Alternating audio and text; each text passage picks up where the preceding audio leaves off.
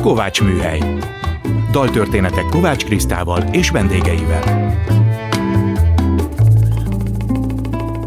Szeretettel köszöntöm a Kovács Műhely hallgatóit, Kovács Kriszta vagyok. Először is hallgassuk meg mai daltörténetünk témaadó dalát, a címe Kalinka, azaz Fábri Péter fordításában Kis Berkenyefám. A dalt Viktor Máté hangszerelte.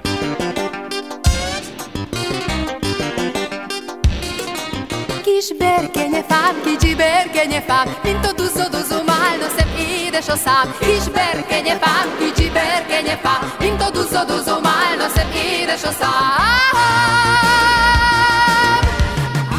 Árnyék vár rám, sűrű fák alján, elfődalom míg alszom én. Jaj, ringas, ringas, jaj, ringas, ringas, elfődalom míg alszom én.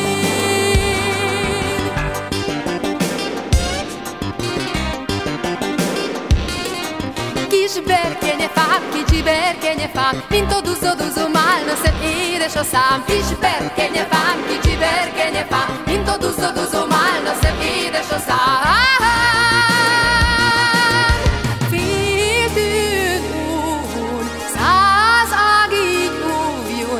Óvjon, árnyukat őrző művöld rám. Jaj, ringas, ringas, jaj, ringas, ringas, árnyukat őrző művöld rám. Kis berkenyefám, kicsi berkenyefám, mint a duzzadozó málna szem édes a szám. Kis berkenyefám, kicsi berkenyefám, mint a duzzadozó málna szem édes a szám.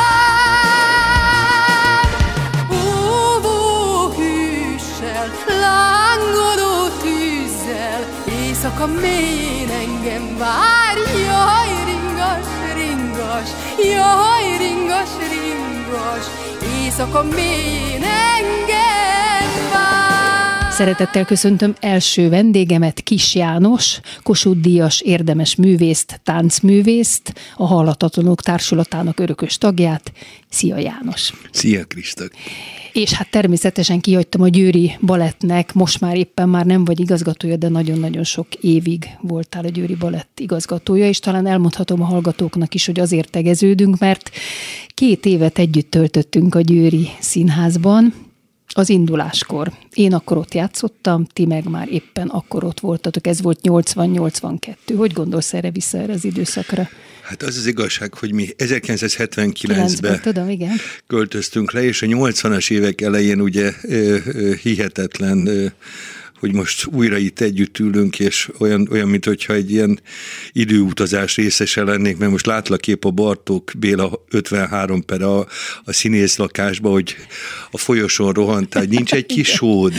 Körülbelül, és olyan igen, volt, mint egy laktunk, komuna, igen. tehát egy olyan, olyan nem csak szellemi műhelyként működött akkor a Kisfaludi Színház, tele voltunk, ugye a fiatalság, a, a tetrekészség, semmi más nem akartunk, de ezt mondhatom a nevedbe is, csak a világot akartuk megváltani, ugye? Ez volt a célunk, és eh, csodálatos szép emlék, eh, tele hittel, tele reménnyel és sok boldogsággal ez, ez a győr, ez, ez eh, nekem, hát ugye a hazám, és hát ugye én Budapesten születtem, Budapesthez kötött minden, de én már ugye 50, vagy most már 43 éve vagyok a Győri Balett tagja, abból 29 és felett voltam igazgató, tehát az én hazám az Győr.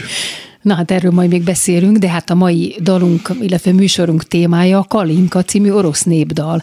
Hát nekem erről, főleg amikor énekeltem, de már előtte is mindig a Mojszejev együttes jutott eszembe, és te azt mondtad, amikor felhívtalak, hogy gyere hozzám vendégnek, hogy te találkoztál a Mojszejev együttes vezetőjével. Ez mikor volt, hogy volt, milyen emléked van róla? Mesélj nekünk. Hát ez egy csodálatos élmény, ugye a, a a Balettintézetbe jártunk, a, ez a 1970 és 79 között, és nekünk nagyon nagy mázlink volt, mert Rábai Miklósnak a felesége, Rábai Lia, áttanította a mi évfolyamunkat néptáncra. Hiszen ti néptáncot is tanultatok, hiába Néptáncot voltatok is, balett. abszolút, Aha, tehát igen. nekünk kötelező, volt a Kötelező. néptánc, Mhm. és ez nagyon fontos volt, hogy stílusában, ugyanúgy, hogy történelmi társas táncot, és egy csomó mindent tanultunk, és mivel a mesterünk minden, ami tánc volt, minden, ami színház volt, minden, ami kultúra, nekünk azt fogyasztanunk kellett. És az Erkel Színházba ö, lépett fel először Igor Mojszejev társulata, tehát a Mojszejev társulat, akik, ö, hát ugye nagy hírük volt, ez ö, a Szovjetunió egyik leghíresebb ö, néptánc együttese volt. 37-ben alapította Egészen mert ő 102 el- évet élt, ez elképesztő. 100, 100 hát én Igen. körülbelül én a, a 90-es években találkoztam vele, tehát akkor még élt, a 90-es évei vége felé járt, és Győrben is fellépett a társulat. Tehát aktív volt ő is, ő maga is. Elképe, Aha. elképesztő. Ö, ö, olyan, ö, tulajdonképpen, hogyha most hasonlatot akarok hozni, és mindjárt elmondom, hogy ez a példa nem is annyira rossz, meg pláne az én, én szívemnek jót tesz, a magyar Mojszejev, most lehet, hogy a Tata megharagszik rám, de valójában... Nem, nem, hát ez igen, jó hasonlat, Tehát igen. mondjuk a Tata is a habitusában, hogyha most arra gondolok, hogy a Novák Tata is, Novák Ferenc, bocsánat, igen. Novák Ferenc 90-es éveiben van, és elképesztő aktivitása Igen, van, igen. elképesztő szellemisége van. Vissza És Mojszejevhez. Egy, egy intézmény. Egy intézmény és egy teremtő valaki. Igen. Amikor meghallgattam, amikor mondtad, hogy hallgassam meg ezt a dalt, é, én nem ismertem, tehát a szövegét pontosan nem tudtam. Uh-huh. Van ez a szláv, ö, ugye a szláv nők azok nagyon szépek, ilyen buja, nem tudom miért, de ö, olyan hihetetlen a Nekem ilyen mindig, amikor a szláv nőkről beszélünk, akkor mindig egy, egy ilyen hihetetlen, egy kicsit olyan vöröses, eh, nagyon-nagyon, és Erős a dalban, szexussal, ugye? Igen. és ebben a dalban én, én valahogy felfedezni vélem a szexualitást. Tehát Aha. van egy nagyon finom kis, nagyon vékony kis szál ezzel a málnával, ezzel a finom, édes, és maga a tánc. Tehát a Mojszéf féle eh, azt mondom, hogy stilizált orosz tánc, amit valójában ő a, az autentikus orosz néptáncot ő színpadivá változtatta. Tehát ő nem is a történéseket, hanem inkább, tehát nem is dramatikus, hanem az életérzés. Ez a, nem tudom, hogyha a kedves hallgatók, a fiatalok biztos nem látták. De azt képzeljék el, amikor mondjuk 32 ö, ö, maxi mint hogyha egy ilyen maxi ruhát kellene, uh-huh, még a lábukat uh-huh. sem látjuk a hölgyeknek, hatalmas pártával, nagyon-nagyon élénk színekkel, tehát a vörös színekkel, a kék színekkel játszik a, a, a jelmezük a hölgyeknek, és egyszerűen ezek a hölgyek, mint hogyha egy, egy úsznának, tehát egyszerűen olyan, mintha se fölfelé nem mozognak, se lefelé nem mozognak, hanem az egész olyan, mintha egy hihetetlen vízbe, nem is látjuk, hogy lépnek, Ez hanem elképesztő technika is kellett, ez óriási tudás. technika. Igen. Na most a Mojszév együttesre az volt jellemző, hogy ö, ő a legjobb, tehát a legtehetségesebb táncosokat szedte össze. Most ez nagyon csúnya szó, hogy szedte össze. De hát igen. Kereste. Kereste. És valójában a, ez nagy létszámú együttes volt, tehát közel száz fő ö, ö, alkotta, kitűnő táncosok, elképesztő. De az volt az érdekes, hogy egy-egy olyan személyiséget keresett, aki mondjuk férfiaknál forogni tudott, aki elképesztő mondjuk volt, én most hirtelen belém hasított egy, volt egy ilyen nagyon kis alacsony, tehát ilyen 160 ö, centiméteres férfi táncos, 160-170 között, és fél métert ugrott. Ja, Elképesztő igen. technika. Na most az egész együttesre ez a hihetetlen technikai tudás volt a jellemző, és ez a most a szó legnemesebb értelmében azt mondom, hogy ez a harsányság. Tehát nagyon harsány, és a szerce a szív. Igen. A milyen, szív. milyen volt a Mojszejev maga? A, ő vele tényleg csak kezet szoríthattam, egy autogramot kértem uh-huh. tőle, és hát ugye a mestertől mindenki ugye mint egy csodára úgy nézett. E, azt mondják, hogy borzasztóan szigorú, és borzasztóan szerette a táncosokat. A tehát szerintem. Is állítólag. igen, igen, igen, természetesen. Igen. Tehát nagyon, hogy is mondjam, tehát a szebbik nemet nagyon megbecsülte, és, és hihetetlen a tánc úgy látszik életbe tartotta, hosszú életbe tartotta. Meg az, hogy a fiatalokkal vette körbe magát, és valószínűleg ez is. Az, igen. hogy a próbateremben élt, és az egész életét végigutazta, nem csak Oroszországban, hanem az egész világot bejárták. Ez Nálunk is tízszer, több mint tízszer Egészen jártak. hihetetlen. Hát óriási, mindig az ember megnézte őket, és a végén én is csak azt tudtam csinálni, hogy ordítok, hogy bravo, mert, mert nagyon nagy hatása volt. Egyébként én, ahogy olvastam róla az életéről, a Balsóiba táncolt, de hamarosan szólista lett, balettmester is, elégedetlen volt a valamit látott, a konzervatív felfogással, és kereste a kapcsolatot az újító színházművészekkel, Meyerholddal, Vaktangóval. Tehát ő már 24-ben kezdte hihetetlen visszagondolni.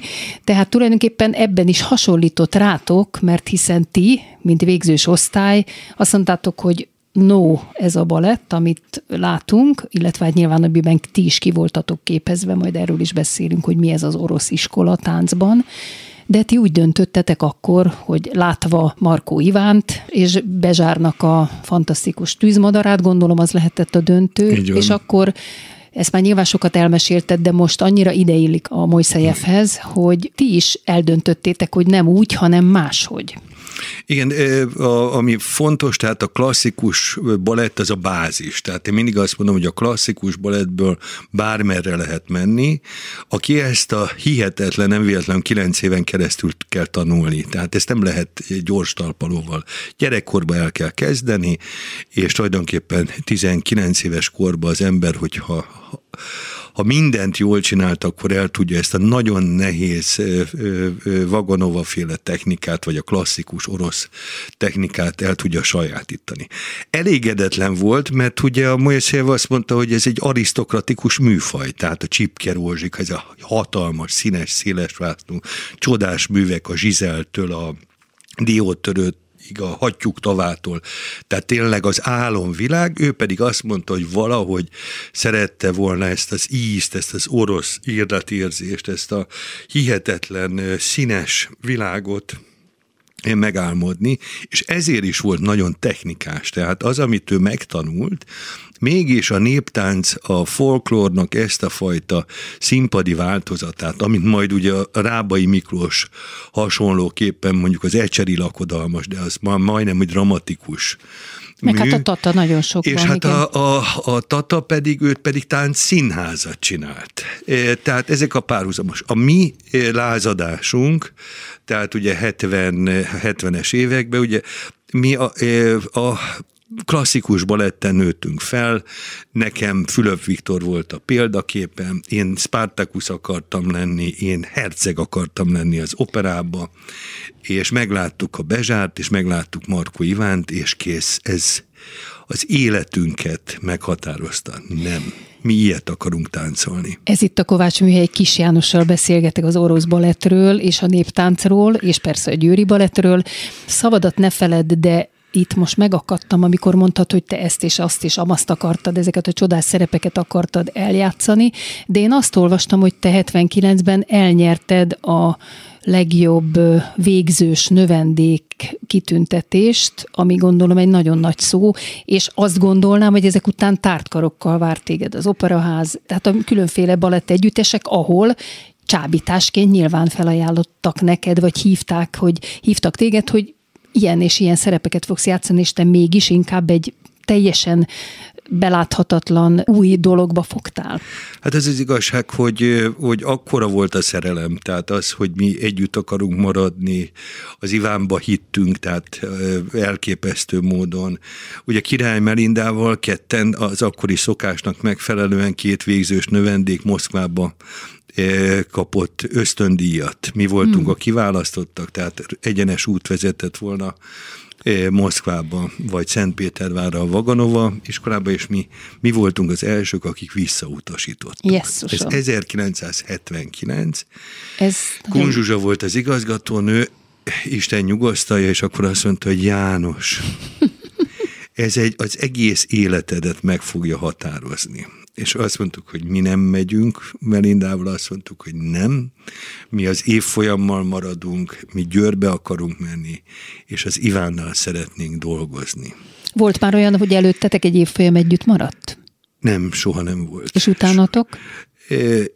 Sajnos nem. Tehát ez egy, ez, ez egy olyan, olyan hihetetlen, kohéziós erő volt, nem is tudom, annyira szerettünk, annyira bíztunk egymásba, és és ahogy mondtam, tehát egy teljesen kitaposatlan útot kellett elindulni, ráadásul ugye az akkori táncszövetségnek a, a főtitkára Posga Imrének írt levelébe azt írta, hogy Marko Iván egy világhírű táncművész, fantasztikus világhírű táncos, életében nem koreografált, tehát nem támogatják. Ezek fiatalok, nincs szükség Győrben balett együttesre, hiszen Győrnek nincsenek tánchagyományai, pláne nem egy balett együttes egy iparvárosban, uh-huh. hogy ezt egyáltalán hogy gondoljuk. És akkor hogy gondoltátok És tovább? végül is annyira, nem is tudom, annyira hittünk, tehát én, én azt mondtam akkor, hogy simán a falon is átmentünk volna, mi mindenkit meggyőztünk, és annyira, annyira szerintem az érződött, hogy... De bocsánat, először az Ivánt kellett meggyőzni. Hát persze, a 25. színházba támadtuk le szegényt Gombár Judittal.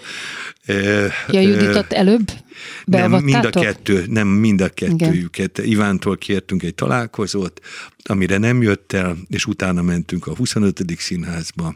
Első felvonás után bementünk a nézőtérre, és azt mondta az Iván, úr is, mit kerestek itt? Mit akartuk tőlem? És mondtuk, hogy ezt nem lehet itt elmondani, hát hogy, hogy Igen. találkozni szeretnénk veled beszélni, de mit akartok? És akkor mondtuk, hogy legyen, legyél a vezetőnk.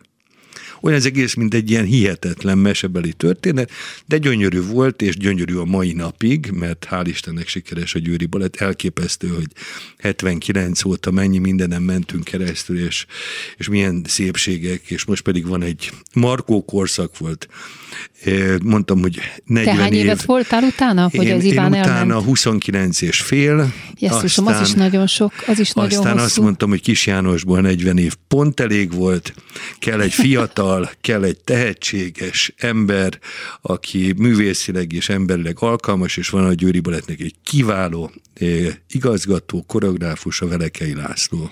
Ezt olyan elegánsan vezető. adtad át, hogy elfáradtál azért? Nem fáradtam, de hogy is, tele vagyok energiával. Jó, mondjuk rengeteg dolgot csinálsz, azt utána az néztem, hogy baj. elképesztő sok társadalmi munkát, vagy Igen. egyáltalán a, a, a magyar táncéletnek a nem történhet olyan dolog, amiben te ne, ne segítenél megérdemlik őket. a táncosok, meg megérdemlik a művészek is, de én a táncosokért mindent megteszek. Én úgy gondoltam, hogy, hogy én nagyon féltem attól, hogy nehogy nehogy valaki utána, amikor bejelentettem polgármester úrnak, hogy én nem kívánok többet igazgató lenni, és két év múlva uh-huh. én meg is neveztem, akkor azt mondta, hogy hát ez nem egészen így működik. De mondom, ez szerintem így működik. Sőt, hát ha, mert ha... a társulat, ha elfogja, hisz benne, akkor, akkor mindenféleképpen nem egy, egy zsoldosnak, nem egy kinevezetnek kell a Győri Balett hanem olyanok, lenni, akit kineveltetek hanem magatoknak, igen. kell lenni. És a társulat elengedett téged? Elengedett, nagyon-nagyon megható volt, de nem szakadtunk el, mert a Laci azt mondta, hogy szeretné, hogyha maradnék, tehát maradjak, segítsem a munkáját. Mondtam, hogy neked nem kell segítség, neked önálló gondolataid vannak, tehetséges vagy, de azért segítek bizonyos dolgokba, és, és örömmel hát nézem az előadásokat, bejárok próbára, pályázatokat csinálunk, sok minden gondolkodunk a jövőn, és hiszünk abba, hogy, hogy még, még, még, még, még megyünk előre. Koreografálni is koreografáltál, de aztán nem folytattad. Miért? Nem tartottam elég tehetségesnek magam. Ez Ilyen az kevesen egyszerű. tudják ezt mondani. Nem, de ez az igazság. Igen, értem. Tehát mindenkivel történhet balettest. De, de, de, de én, én az első művem Csiszár Imre felkérésére, épp mondtam múltkor Béres Icának, hogy Cserhalmi Tyutyú, Kubik Anna, még a régi nemzetibe a kaukázusi krétakör mozgás beállítása volt. Iván elengedett, ez a 80-as évek közepén lehetett, és szegény Annát meg a Icát egresszíroztattam, és egy fantasztikus előadás volt. Ez volt életem első, nem is koreográf, mozgás beállítása. Mozgás volt, igen.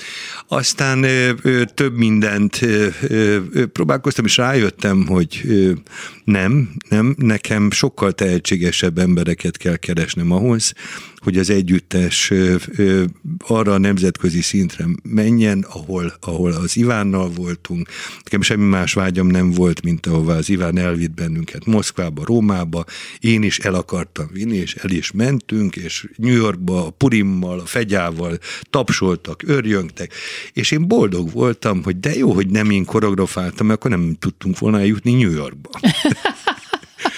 Tehát Na, figyelj, ez fontos. Figyelj János, hát a, a, a Győri Balett az egy külön több adás témája lehetne, hiszen most a kisberkenyefámról beszélgettünk, az oroszról, de befejezésül már csak egy kérdésre maradt időnk, hogy mit tanácsolsz a most induló fiatal táncosoknak? É, azt kívánom, hogy higgyenek önmagukba. Soha ne veszítsék el a hittüket szeressék a táncművészetet, és Főleg, akkor boldogok. rövid a pálya. Rövid pálya, ez csak, csak maximálisan érdemes csinálni, és akkor boldogok lesznek. Hát azt hiszem ennél jobb végszót nem tudunk mondani, úgyhogy köszönöm szépen Kis Jánosnak, hogy eljött ide hozzám a Kovács műhelybe. Szia János! Szia Kriszta, köszönöm szépen! És most jöjjön egy híres keringő, Csajkovszki, hagyjuk tavából.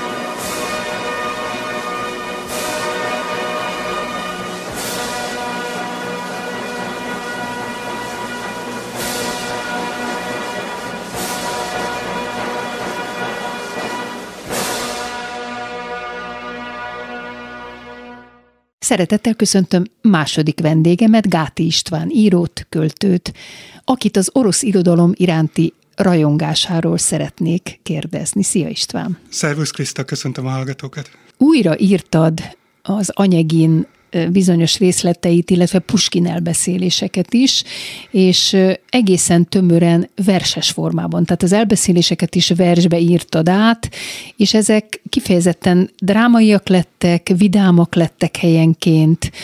Miért nyúl egy mai költő Puskinhoz? Nagyon jó kérdés. Hát először is szeretném elmondani, hogy hogy történt az én igazi találkozásom ezzel a, ezzel a nagy művel. Anyukámtól kaptam még egészen kiskoromban meg ezt a könyvet, és hát akkor én még erre éretlen voltam. És sajnos, Melyik könyvre gondolsz? Az anyagint, az anyagint, igen. És hát sajnos anyukámat korán elveszítettem, 14 éves voltam, amikor meghalt, de később aztán, amikor kamaszkoromban elkezdtem olvasni, akkor elővettem a könyvet, és már akkor is megérintett, meg tetszett a versforma, de az volt az igazi áttörés, amikor ezt egyszer meghallottam ilyen rádiójátékként.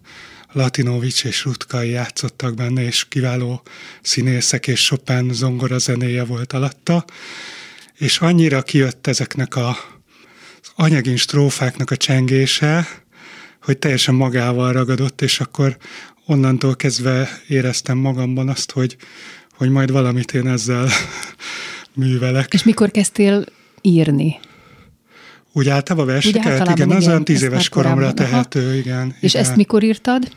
Vagy hát ezeket, ezt, inkább így mondanám? Hát ezt nagyjából olyan tíz évvel ezelőtt kezdtem, és úgy miután több elbeszélés is áldozatául esett ennek a furcsa mániának, ugye ez egy, egy ilyen 7-8 évig tartott, amíg több elbeszélés is ilyen formába került. Ha megengeded most, hogy a hallgatókat is egy kicsit beavassuk, ne csak beszéljünk erről, a Puskin Trojka című műved ajánlását most felolvasom. Rendben.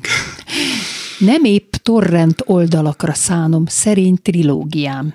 Puskin kerül ma új fogadba. Trojkája íme készen áll. Ruszlán Sludmilla alkotója, midőn regényes verset írt, hasonló lüktetésű strófa ragadta kézen Jevgenyit. Divatba hozta Bérci Károly, magára szabta Áprili. A nagykaput csodákra tárták, új színeit Galgóci Árpád hűséges tolla mérte ki. Nem rontok én babérjaikra, mély kátyúktól se tartsatok. Tollunk hegyén egy volt a minta, s lovak közé ma én csapok. Hát akkor csapjunk a lovak közé. Mesélj egy kicsit Puskinról, aki ugye arisztokrata származású volt, és nagyon különös sorsa volt, mert nagyon rövid élete volt, egy párbaj. Így van. Oltotta ki az életét. Mit tudunk még róla? Hát sok minden érdekesség van az ő életútjába. Ő egy etióp felmenővel is anyai ágon rendelkezik. Egy afrikai ős. Afrikai igen. ős, igen. És hát azt kell tudni róla, hogy az ő gyerekkorában szinte minden adott volt ahhoz, hogy, hogy egy írói vénájú gyerek kibontakozza, mert mint hogy az ő helyzet olyan volt, hogy volt családi könyvtár és francia nevelők, és hát és volt neki egy dajkája, Arina Rodionovna, aki sokat mesélt neki, és valószínű, hogy a, hogy a Dadának a meséi is sokat hatottak Puskin fantáziájára, elbeszélő vénájára ez a, ez a gyerekkor. És hát ő a Cárszkolya Szélói Liceumba került, ahol olyan barátokra lelt, és eszmetársakkal, akikkel közösen gondolkodtak, és a, a szabadság motivuma például nagyon fontos ebben, hogy ő is, az ő verseiben is nagyon fontos motivuma a szabadság, és hát ezért érte is őt üldözés, számüzetés. Igen, igen, és mi ez a Puskin versforma, amit említettél? A Puskin versforma, az anyagi strófa, az egy 14 soros jambikus versforma, ami a szonettel nagyon szoros rokonságban van, és egyébként Puskin Shakespeare-nek is híve volt, olvasója volt. Szóval ő abból a, a valószínűleg a szonát formából kiindulva alakította ki ezt a, ezt a sajátos versformát, mindenféle rímek vannak benne, tehát van páros rím, a keresztrím, ölelkező rím, minden van benne, és a vége az utolsó két sor mindig összerímel, tehát az olyan csattanós. És ettől, hogy ez így váltakozik, nem, nem érzed monotonnak az egészet, és, és, és ugye az ember füle már az, az utolsó két sornál egy idő után már várja azt a csattanót, és akkor mindig jön, és az úgy, úgy megjutalmazza kvázi az embert. És úgy érezted, hogy a novellákat is jobb lenne most már inkább átfordítani versekbe? Nem volt ez, nem voltam én ebben ennyire tudatos, hanem inkább arra gondoltam, hogy egyszer megpróbálnám én is az anyagint lefordítani. No. De hát hihetetlen uh, háttértudás és nyelvtudás kell ehhez. Tudsz oroszul egyébként? Valamennyire már igen, tehát igen középfok felé, de ez még kevés ahhoz. És miután magyar nyelven uh, rendelkezésre állnak ezek a novellák, és az anyagin strófa meg már bemászott a fülembe, úgy gondoltam, hogy ezen egy kicsit így kikísérletezem ezt a dolgot, és akkor végül is olyan jól sikerült, hogy akkor ezt megmertem mutatni olyan embereknek, akik orosz irodalommal foglalkoznak, meg folyóiratközlés lett belőle, úgyhogy meg talán könyv is lesz rövidesen. Na lesz egyébként ez a kérdés Hát ez még. a szándék, igen. Ez igen, a szándék, ez igen, a szándék. Könyv és hangos könyv is. Mindjárt rátérünk a halálára is, de mi volt ez az utolsó párbaj? Mi volt ennek a kiváltó oka? Hát tulajdonképpen egy becsületsértés.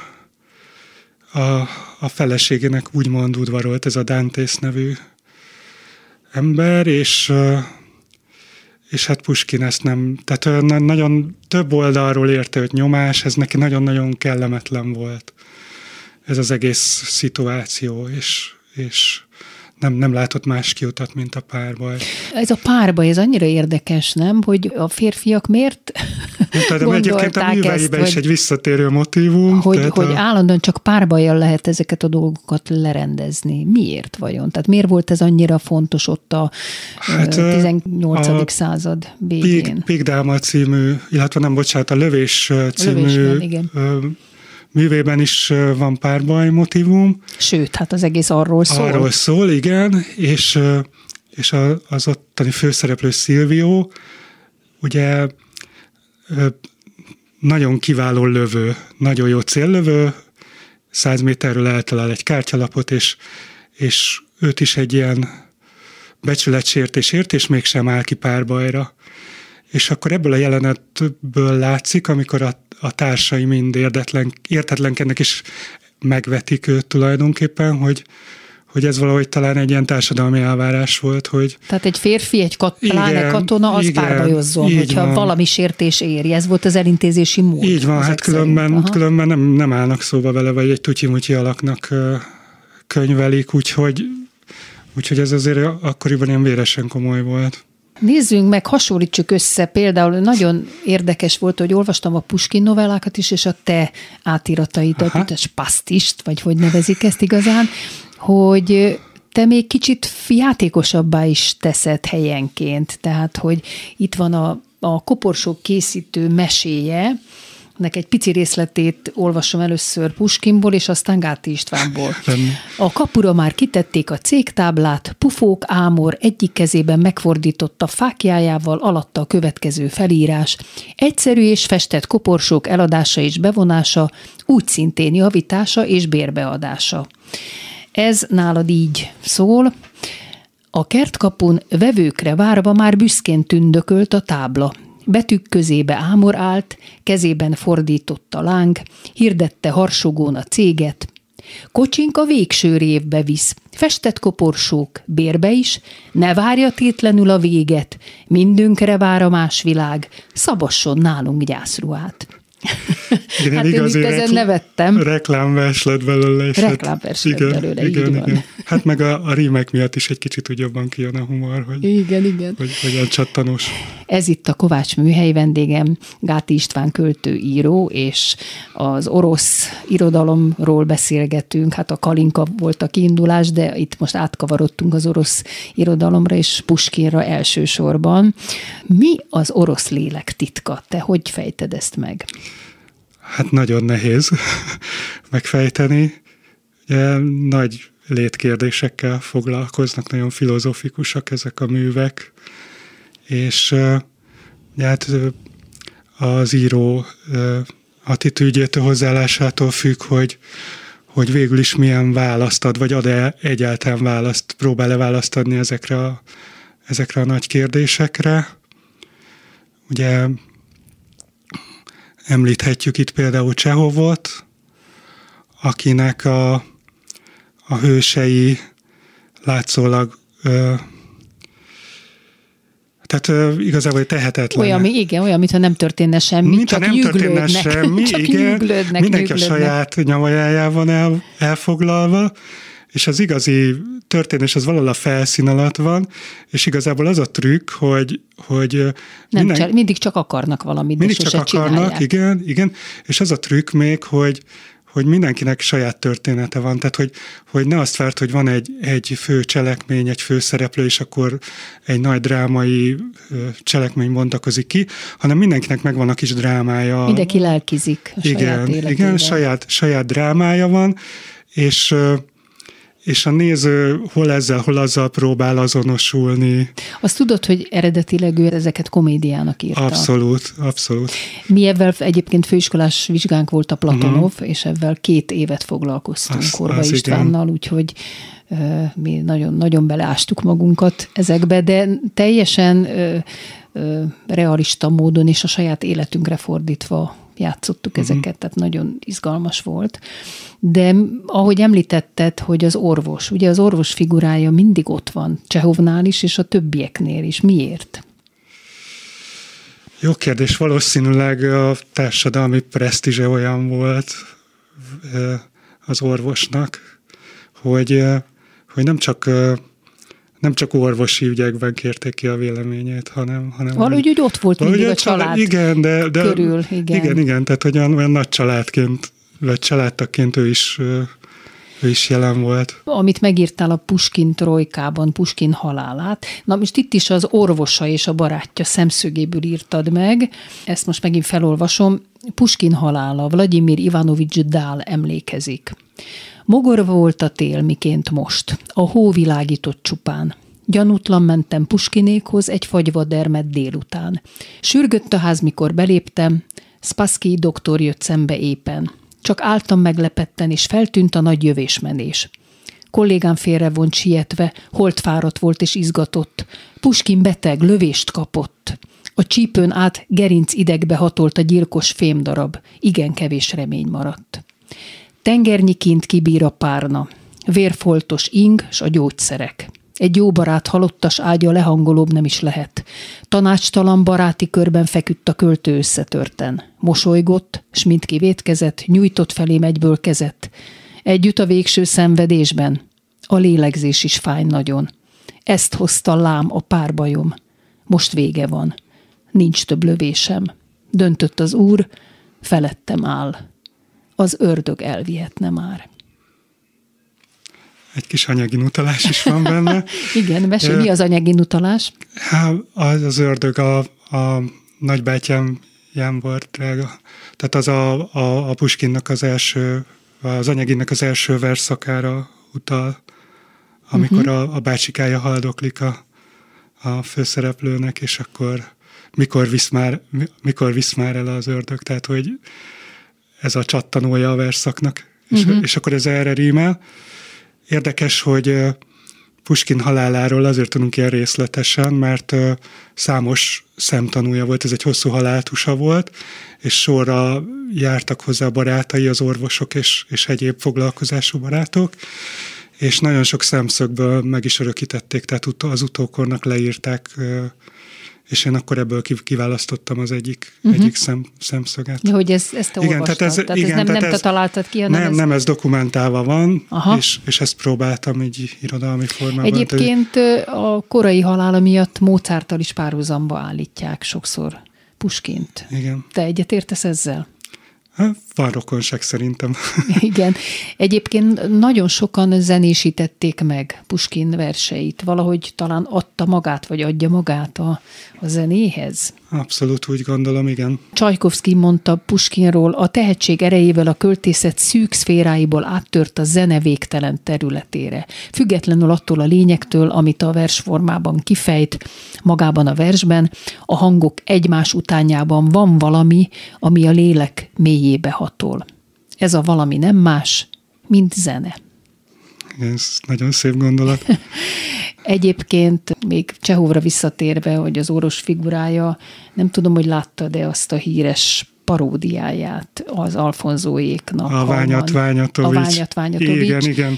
Pár évenként megnézem, annyira mm, viccesnek igen, igen. találom, de az az igazság, hogy azt hallottam, hogy a Madács Színházban ugye akkor játszották éppen ezt az előadást, és egyszerűen nem lehetett játszani, tehát le kellett venni a műsorról, mert a nézők szétröhögték, amikor megjelent mondjuk Halman Péter, vagy Igen. Márkus László. Tehát ez igen, én is hallottam, de a három nővéről is. Három nővéről három is. Nővér tehát is nehéz hasonló, volt, igen. akkor, nehéz volt akkor Csehovot játszani. Abszolút, igen, után. igen, igen, igen. Pedig azért a, ezek a paródiák rátapintanak valami, valamire Vissz, Visszaadják, Tehát visszaadják, igen. szerintem Csehov is megmosolyogná, tehát hogy, hogy Tetsz, Csehovnak biztos neki. tetszene, azt igen, tudta, igen.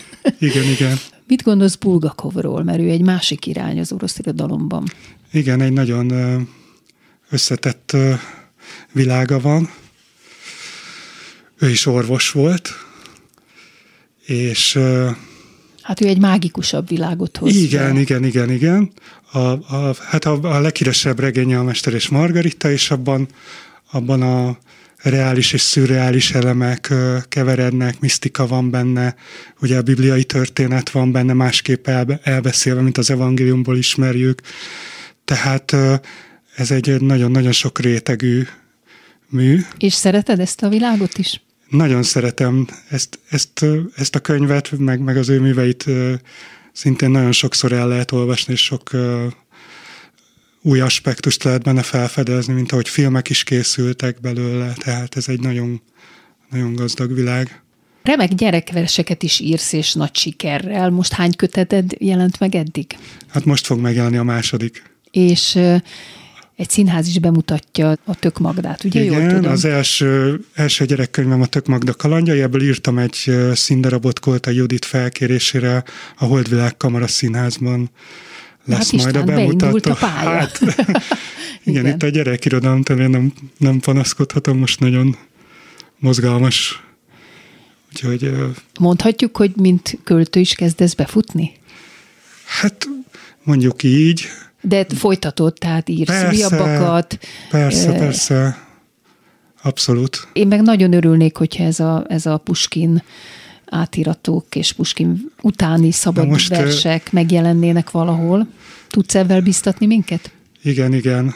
Most a közel, közelmúltban a férjet Fábri Péter előhozta, ö, ö, hogy, hogy mi van ezzel, ezzel a Puskinál dolgozásokkal, és, és annyira beültette a bogarat a fülembe, úgymond, hogy, hogy, hogy, hogy elkezdtem vele foglalkozni újra. Helyes, helyes. És, és akkor azt találtam ki, hogy, hogy talán ez egy réteg könyv lesz, mert keveseket érdekel, viszont hogyha nagyon megadjuk a módját, tehát hogy lennének illusztrációk, meg lenne hozzá hangos könyv, Igen, akkor, akkor, már... akkor mégiscsak egy, egy ilyen nagy produkció jön létre, ami mellett azért csak úgy nem lehet elmenni, meg Szóval, hogy még, mégiscsak nagyobb közönséget vonzana. Esetleg. Akkor befejezésül enged meg, hogy felolvassak tőled egy picike részletet, Jevgenyi anyegin esetei.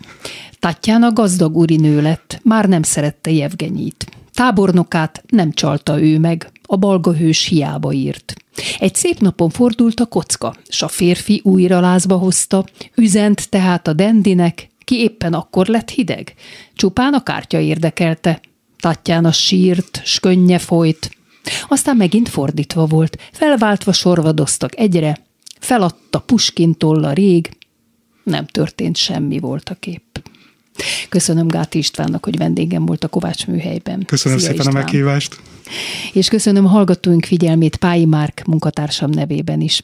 Az adás ismétlése ma este tízkor hallható, majd utána az archívumban is bármikor elérhető. Hallgassanak minket továbbra is az interneten. Jövő vasárnap egy újabb daltörténettel jelentkezik a Kovács műhelyben, de Kovács Krisztával és vendégeivel. Nézők, ez a címe Vederes Csaba és Fábri Péter dalának, amelyben a férfi és nő úgy nézi egymást, mintha egy filmet néznének. Első vendégemmel Kánya Katával a társkeresés nehézségeiről és sikereiről beszélgetek, majd Gönci Dorottya vállási párkapcsolati mediátorral és kóccsal arról, hogy lehet-e jól válni. Kovács műhely.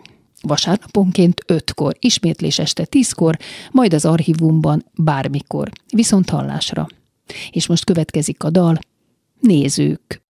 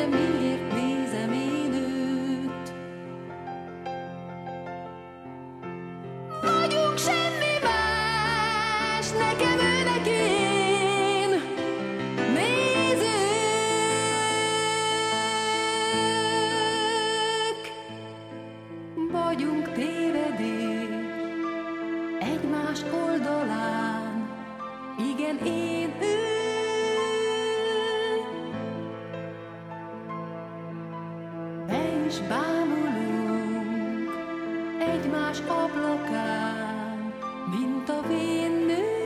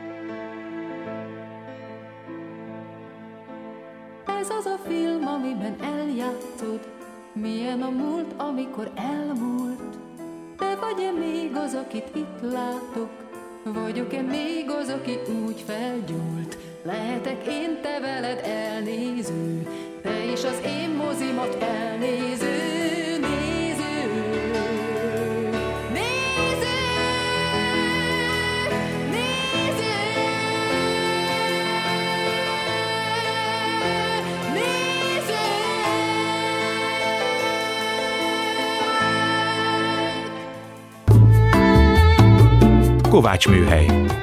Kovács Kriszta műsorát hallották.